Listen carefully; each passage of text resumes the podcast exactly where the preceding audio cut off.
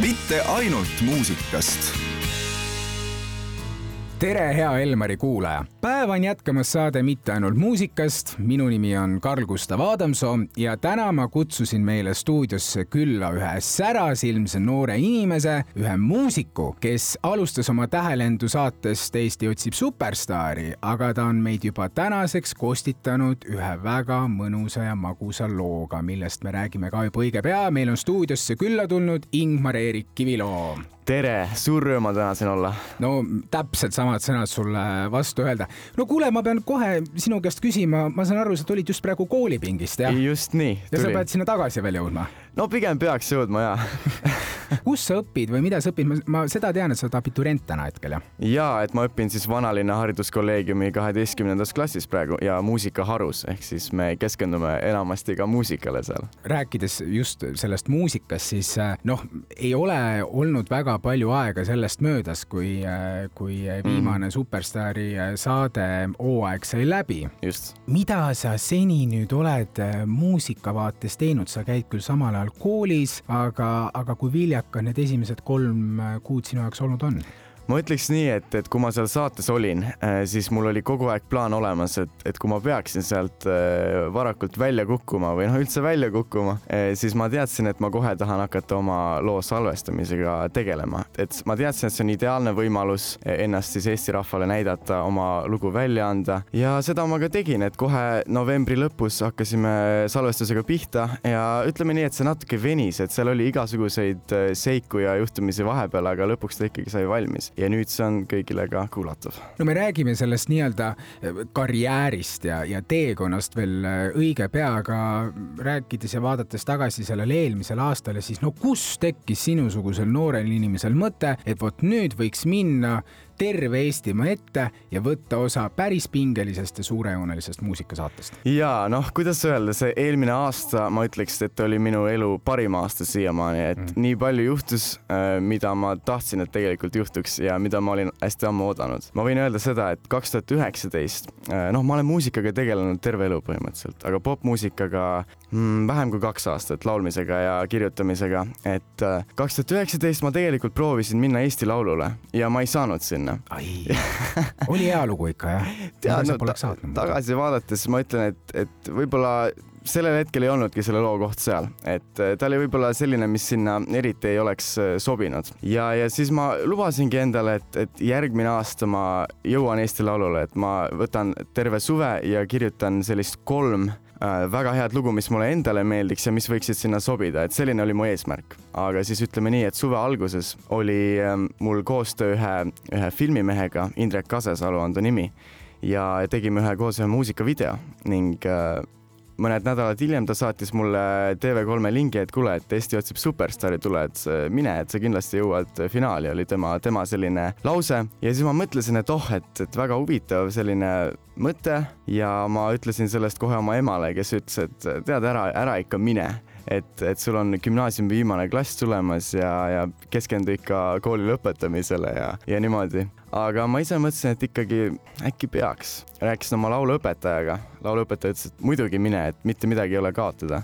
sõbrad ka toetasid ja, ja eks lõppude lõpuks mu ema ikkagi väga toetas mind, et, et äh, jah, see olukord muutus ja jah, siis juhtuski nii, et äh, augusti lõpus läksin sinna Ülemiste keskusesse, kus oli meid, ma ei oskagi öelda, kaheksasada äkki inimest seal ja kõik läks väga hästi, no eks seal oli äh, tõesti selle saate jooksul oli, ma ütleks, et elu kõige madalam punkt minu jaoks ühes hetkes, aga samas ka eelmise aasta kõige toredam hetk. Mis ma võin öelda, see, et kõige, kõige parem hetk, mis mul oli, oli näiteks see, kui ma sain stuudiovoorust otse finaalvoorudesse, et see oli, see oli minu jaoks väga-väga võimas lihtsalt, et, et noh, et kolme kõige enim hääletumata, hääletumate äh, osalejate hulgas. Ja, ja siis ütleks, et kõige madalam hetk minu jaoks oli see, kui ma olin pääsenud teatrivooru ja ma olin selleks nii palju valmistanud ette ja siis umbes päev enne mul läks hääl täiesti ära, et äh, üldse, üldse ei saanud laulda, et nii, nii kole hääl oli, et, et sa ei kujuta isegi ette. Aga ma ikkagi läksin kohale ja ma ei tundnud ennast üldse hästi, aga kõik olid väga sõbralikud minuga, kõik väga toetasid ja pakkusid omalt poolt abi ja, ja kuidagi läks nii, et, et ma sain sealt ka edasi, mis on tõesti ime. iga teekond on ju erinev ja, ja see on ilmselge, et on takistusi ja on tõuse ja mõõnasid ja, ja igasuguseid hetki, sest seal ju noh, toimubki areng, aga ometigi sa oled juba väga kaugele jõudnud. kui tänane praegune momentum, hetk, kus mm -hmm. sa lõpetad kooli. just sul on kõik need eksamid ja kõik asjad ees ja, ja, ja samal ajal sul on praegu nagu see kõige magusam punkt teha muusikat. kuidas, kuidas sa need kaks erinevat nii-öelda rolli või valdkonda oled äh, tänasel päeval ära sidunud, kuidas sa nagu pinnale jääd? ma ütleks seda, et, et ma ikkagi tegelen muusikaga igapäevaselt ja nii palju kui võimalik, et, et see on see, millega ma oma elu tahan siduda ja see on ainuke asi, mille, mida ma näen ennast tegemas ka tulevikus ja terve oma elu. kuidas öelda, koolile, ma ütleks, et koolis on üsna lihtne, et tegelikult midagi nii rasket ei olegi. kõik need tööd, mis vahepeal jäid tegemata, et küll nad saavad tehtud veel, mis on tegemata ja et ma, ma, ma ei muretse millegipärast ausalt öeldes. kui raadiokuulajad näeksid, see pilk on praegu nii särav ja kindel, et äh, selle sõnade taga on ainult äh, tõsilugu. aga rääkides nüüd muusikast, äh, sul tuli uus lugu välja. tuli. aega on veel, no kes ei ole veel päris kursis, võib-olla kuulnud on, siis vaatame selle taha, millest see lugu räägib no see lugu räägib sellest, et meil ongi aega, aega, et jõuda sinna, kuhu me tahame jõuda, ükskõik mis see ka oleks meie elus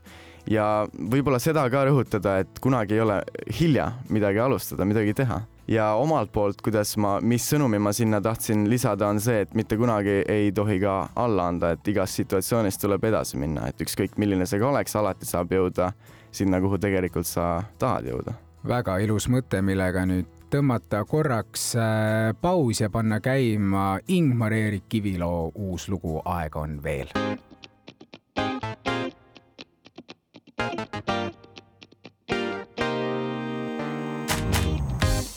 ärkasin ja mida ma näen, on peatunud aeg. kuid tean, et nii ei jääda saa ja huulilt kaob naer. vaid mõni hetk ja peagi näed maailm käes. on mõni retk nii petlikult väär, nüüd ületame tahan veel, tahan veel aega endale veel saada see tee. meil aega on veel ja aega on veel nii pikalt veel ees. nii pikalt veel ees ja aega on veel nii pikalt see tee. ei tea me ette, mis küll meist saab, kuid kindel on see iial peatuma ei jää, on avatud tee. vaid mõni hetk ja peagi näed maailm me käes.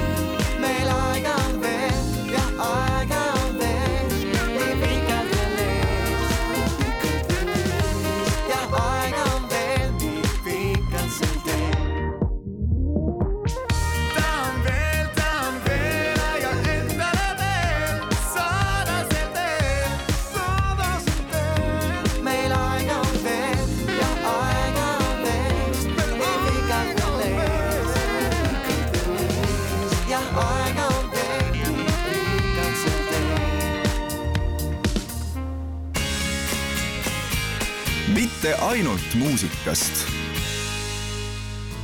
eetris on saade Mitte ainult muusikast ja meil on täna külas noor ja fantastiline muusik Ingmar-Erik Kivilood. me kuulasime mõni hetk tagasi sinu laulu Aega on veel mm, -hmm. mis äh, rääkis äh, sellest, kuidas äh, igas olukorras tuleb noh, alati minna edasi oma lõppeesmärgi poole ja, ja mitte murduda, hoida seda lootust. kust sina noore inimesena leiad seda jõudu või motivatsiooni et kümne küünega ikka enda unistusest kinni hoida?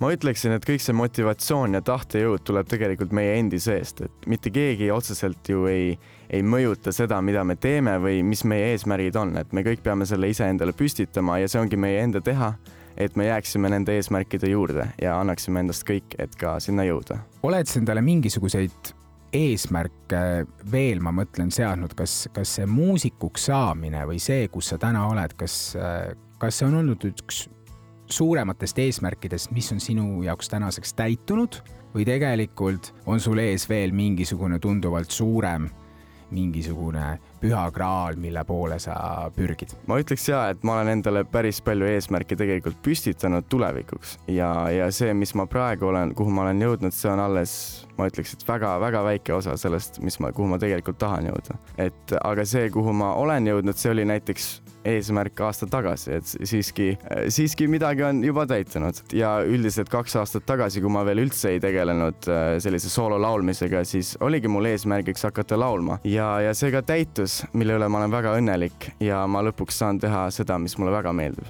üks asi on alati see, et meil on mingisugused noh, unistused ja, ja me loome nii-öelda mingisuguse teekonna enda vaimusilmas, kuidas me sinna jõuame. aga kui sa vaatad tagasi nüüd sellele millal see Superstaari saade pihta hakkas, septembris? tegelikult või? hakkas juba augusti augustis keskel. hakkas pihta mm, -hmm. et, et see noh, peaaegu juba päris palju kuid on sellest möödas on ju. tegelikult kuidas, küll jah. kuidas, kuhu sa täna jõudnud oled, kui palju see teekond erines tegelikult sellest, mida sa ise arvasid ja lootsid? No tegelikult ikka erines päris palju, et ma ütlen ausalt, neid eelnevaid hooaegu ma ei olnud nii äh, pingsalt järginud, jälginud, et äh, kuidas öelda, ma ei oodanud, et sellest saab nii palju, kui tegelikult sellest sai. ma üldse ei kujutanud ette ja, ja meile ka räägiti, et see hooaeg, mis nüüd oli, oli ikkagi enneolematult tugev et ma juba mõtlesin seal teatrivoorus, kus meid oli seitsekümmend, et, et kõik on nii head lauljad, et kuidas ma siit edasi peaks saama, aga midagi kuidagi sain mida sa sealt siis teada said? mis ma sealt sain, ma ei oodanud, et seal on nii palju sellist, äh, kuidas öelda, meedia tähelepanu, et ma mäletan, kui ma sinna esimest korda Ülemiste keskusesse läksin, tegelikult mulle oli juba helistatud, et nad tahavad minuga teha mingisugust intervjuud. Ja siis ma, ma ei osanud äh, täpselt äh, öelda, ma ei osanud olla, et kuidas ma peaks olema valmis, et ma ei olnud mingisuguseid suuri intervjuusid varem andnud. Et äh, olin natuke närvis, aga ütleme nii, et mida saade edasi läks ja kuna seal olid kogu aeg kaamerad, filmisid igat meie sammu, siis sellega lõppude lõpuks harjus ära. ja, ja ütleme nii, et need otse-eetris televisioonis esinemine, sest noh, sa ise olid ka ju seal, sa ise ikkagi mäletad ka seda. no ja, kui me tulime siia stuudiosse, siis ma ütlesin sulle, et ma olen ka kunagi laulnud. Ja. aga minul on see juba väga palju aega tagasi, sinul on no, see värskemal meeles jah ei nojah, et, et need esimesed otse-eetri kogemused ja, ja kõik selline, et, et ikkagi jääb alatiseks meelde mm. -hmm. ja need hetked, kus, kus sa saad ühest voorust järgmisesse, et need on ka täiesti kirjeldamatult äh, positiivsed. sa ise lood muusikat, sa kirjutad muusikat, sa mängid väga palju erinevaid pille.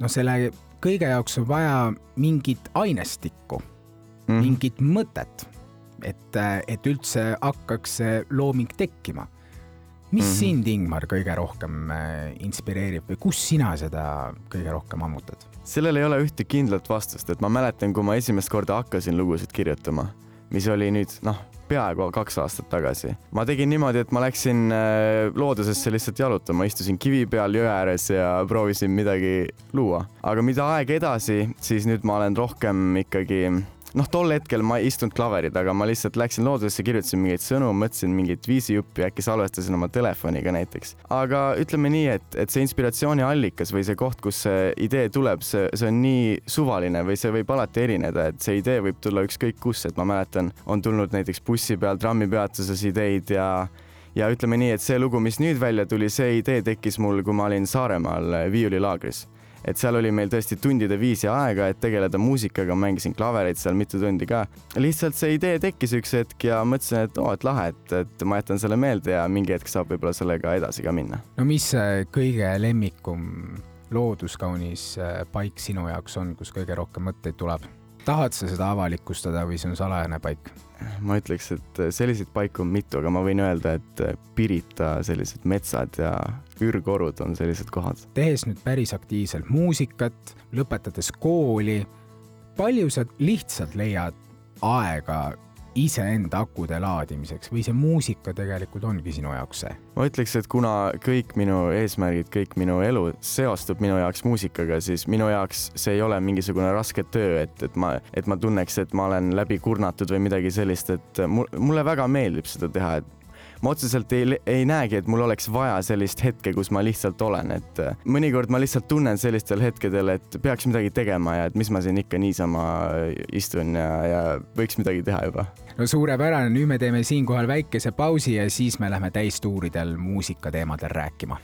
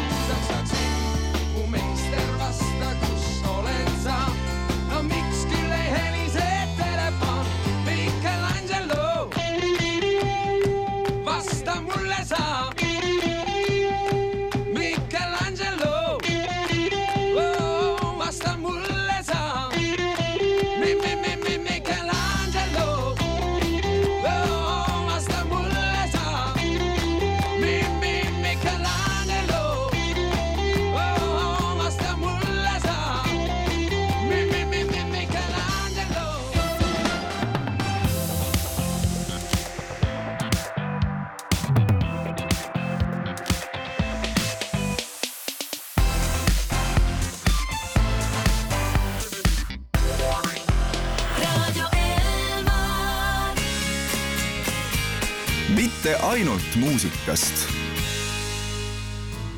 hea Elmari kuulaja, saates Mitte ainult muusikast on meil täna külaliseks Ingmar Eerik Kiviloo. Ingmar, jah, sõna muusika. muusika.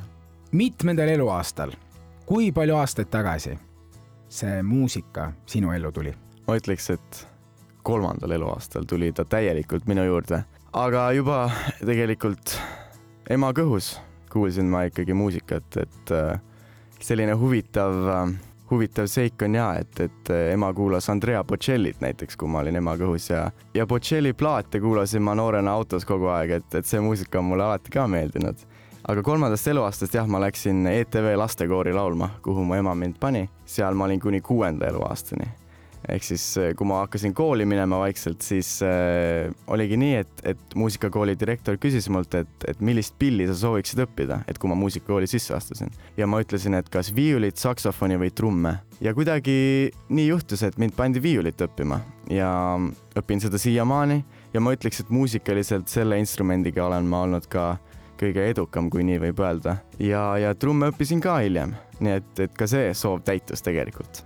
No ma ei tea, minu nimekiri on siin praegu tunduvalt pikem, ei ole ainult eh, viiul või trummid, olen kuulnud, et klaver, kitarr ja isegi orel kuulub sinu nimekirja. no tegelikult küll jah, et, et orelit ma hakkasin kolmandas klassis õppima ja, ja eks klaverit ma olen iseseisvalt õppinud, et noh, see on ju sama asi tegelikult, orelis lihtsalt äh, mängid jalgadega ka, et, et väga ega seal nii suurt vahet ka ei ole. ja, ja kitarri ma olen ka ise õppinud. kuidas, ma mõtlen, et iga pillimänguga on ju niimoodi, et sa pead ju ikkagi ennast nagu soojas hoidma. sa No ei sa ei, kui sa ikkagi unustad ära, siis sa ju noh, alu-, võid alustada üsna algusest, kui sa just täielik professionaal ei ole. no No- tuleb harjutada ikka muidugi. jah, no millal sa viimati orelit harjutasid? orelit, issand, ma arvan, et see võis olla seitsmendas klassis, kui ma viimati orelit mängisin. et nojah, klaverit ma saan mängida, aga ütleme nii, et orelit mul kodus ei ole, et, et aga võib kunagi jõuda äkki noh. no näiteks jaa, miks mitte. aga igatahes fakt on see, et äh, viiul on sulle vist kõige hingelähedasem pill, sest vähemalt me oleme näinud sind sellega kõige rohkem. Ma ütleks küll. jaa, no ma tunnen, et see viiulioskus ja viiul minu jaoks võiks tegelikult käia kaasas küll. et, et no noh, see on ju arusaadav, et tegelikult laulda ja viiulit mängida samal ajal ei saa. et eh, see lihtsalt ei ole võimalik eriti, aga võib-olla näeks ka tobe välja. aga jaa, ma ütleks küll, et, et eh, viiuliga on mul väga hästi läinud ja mulle meeldib seda mängida, et, et miks mitte seda ka tulevikus kasutada sa teed ise palju muusikat, aga palju sul tegelikult äh, päeva jooksul on seda aega, kui sa lihtsalt kuulad kõikide teiste artistide loomingut? tegelikult päris palju, et mul on kogu aeg kõrvaklapid kõrvas, kui ma kuskile kõnnin, kuskile sõidan bussiga, millega iganes, et eh, tegelikult kuulan päris palju muusikat ja no kes, kes sul seal äh, kõrvades elamusi pakkumas on praegu, kes sulle korda läheb? mul on niimoodi, et, et iga aja tagant mul muutuvad need, aga ma ütleks, et viimasel ajal ma olen hästi palju kuulanud Bruno Marsi, Adele'i hakkasin natuke kuulama isegi mm. Mhm. et varem ma teda eriti palju kuulanud ei olnud ja kui ma siia praegu kõndisin, siis ma tegelikult kuulasin äh, Karavani, ohoh, väga põnev, mis Just. lugu käis? Tegelikult ma valisin siia ühe loo, ühe eestikeelse loo ja ma kuulasingi selle korra veel uuesti läbi ja selleks on Seisvad seierid. seisvad seierid.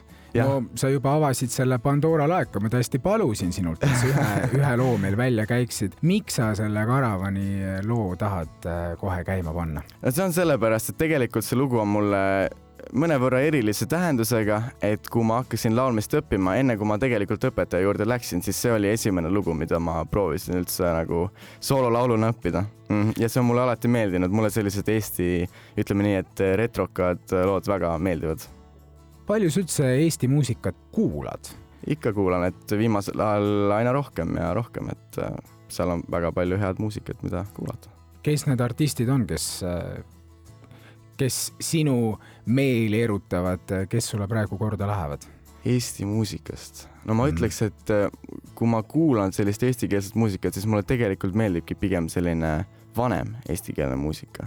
aga eks tehakse ka lahedaid lugusid äh, praegu, et Taukari lood on tegelikult väga ägedad, Jüri Pootsmaniga samuti. aga kui oleks ometigi üks Eesti artist, kellega homme võiks nagu ühe kontserdi koos teha, siis kes ta võiks olla? ma võin siia sellise loo rääkida, et, et ma mäletan äh, kaks aastat tagasi, kui mult küsiti, et kes on minu Eesti muusikutest minu selline iidol või keda ma väga austan, siis ma ütlesin Uku Suviste ja kuidagi on elu läinud niimoodi, et, et me saime Uku Suvistega käia jõulutuuril ja ta ka võttis osa minu uuest loost, mis on tõesti väga uskumatu minu jaoks. igatahes nüüd läheb käima meie kõigi ees karavani laulupala Seisvad seierid ja siis me tuleme taas kokku ja hakkame rääkima tuleviku teemadel. ühteviisi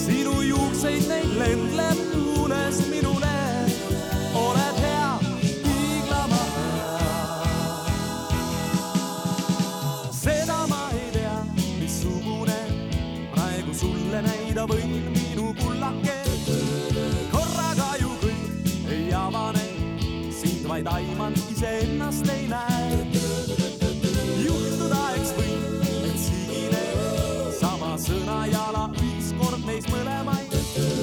käsi praegu näen, on higine, aga siiski ehk võtab mu käe. viib tee üle maa ja vee, mõista ohtu.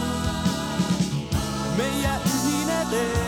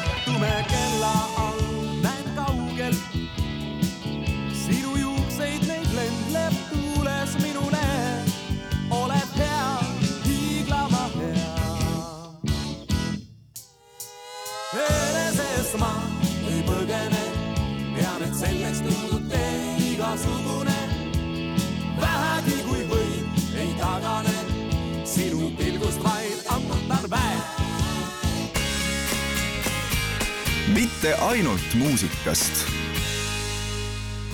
eetris on saade Mitte ainult muusikast ja meil on külas täna Ingmar-Eerik Kivilo. rääkides nüüd äh, tulevikuplaanidest, jah, sa juba natukene mainisid, et see teekond, millel sa täna oled ja see, kus sa täna oled, see on kõigest millegi algus. mis see lõpp-punkt on? oled sa selle juba enda jaoks nagu välja mõelnud, eks see võib loomulikult väga palju nagu muutuda. Aga, aga mis see tänasel päeval on, mis see suur unistus on?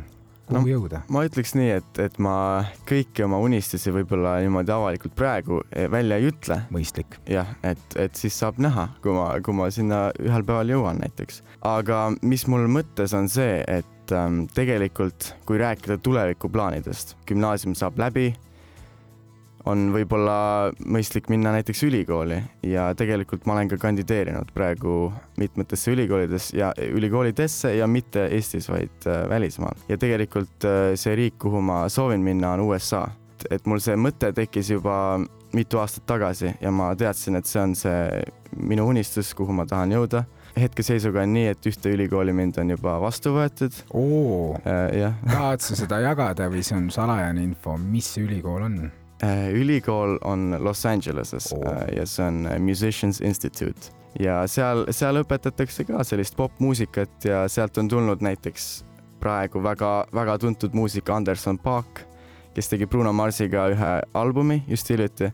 Ja eks sealt on ka väga palju selliseid väga tuntud artistide maailmas mänedžere, produtsente, kõike tulnud seal, et ja, ja siis üks ülikool, kuhu ma veel kandideerisin, hetkel ootan äh, tulemusi, et need peaks ka varsti saabuma aga ma saan aru, et Eestisse sa praegu nagu eriti nagu ei, ei taha jääda, et kingad jäävad siin liiga väikeseks ja ei no ma ei ütle seda, et äh, tõesti ma tahan proovida äh, välismaale minna mm., aga samas alati jään eestlaseks ja hoian Eesti lippu äh,, noh, püüan hoida kõrgel. kui näiteks ülikooliga läheb nüüd niimoodi, et sa liigudki välismaale, sinna kaugele Ameerikasse sügisel mm. -hmm. siis on vist Sügisel, jah. ja siis kas sul veel vaadates lähitulevikku, seda kevadet ja suve, on sul veel mõni projekt äh, tore tulemas või mõni, mõni hea lugu või midagi muud enamat, millega sa saad meid rõõmustada?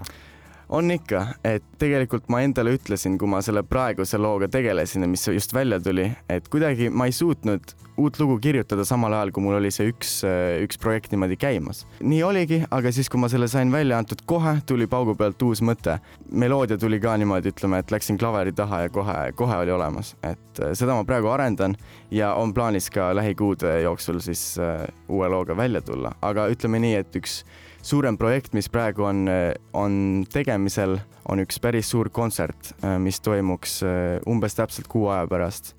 ja see on äh, heategevuslik kontsert äh, Ukrainaga seotud aitamiseks. väga üllas, loodame, et siis äh, kõik need plaanid ja kontserdid äh, saavad ikkagi äh, toimuda ja, ja, ja siin Aitäh. äh, suve, suve eel ja kevade jooksul siis sa meid millegi toredaga veel kostitad, lisaks loomulikult juba see lugu, mida me oleme täna kuulnud. aga rääkides veel natukene unistustest, siis ähm,, siis sa oled hästi selline kindla sihiga ja pilguga noor mees ja kindlasti meil on väga palju kuulajaid, kellel on samuti hinges mõni unistus mm. -hmm. võib-olla mõni tahab muusikuks saada. mida sa annaksid äh, raadiokuulajatele kaasa?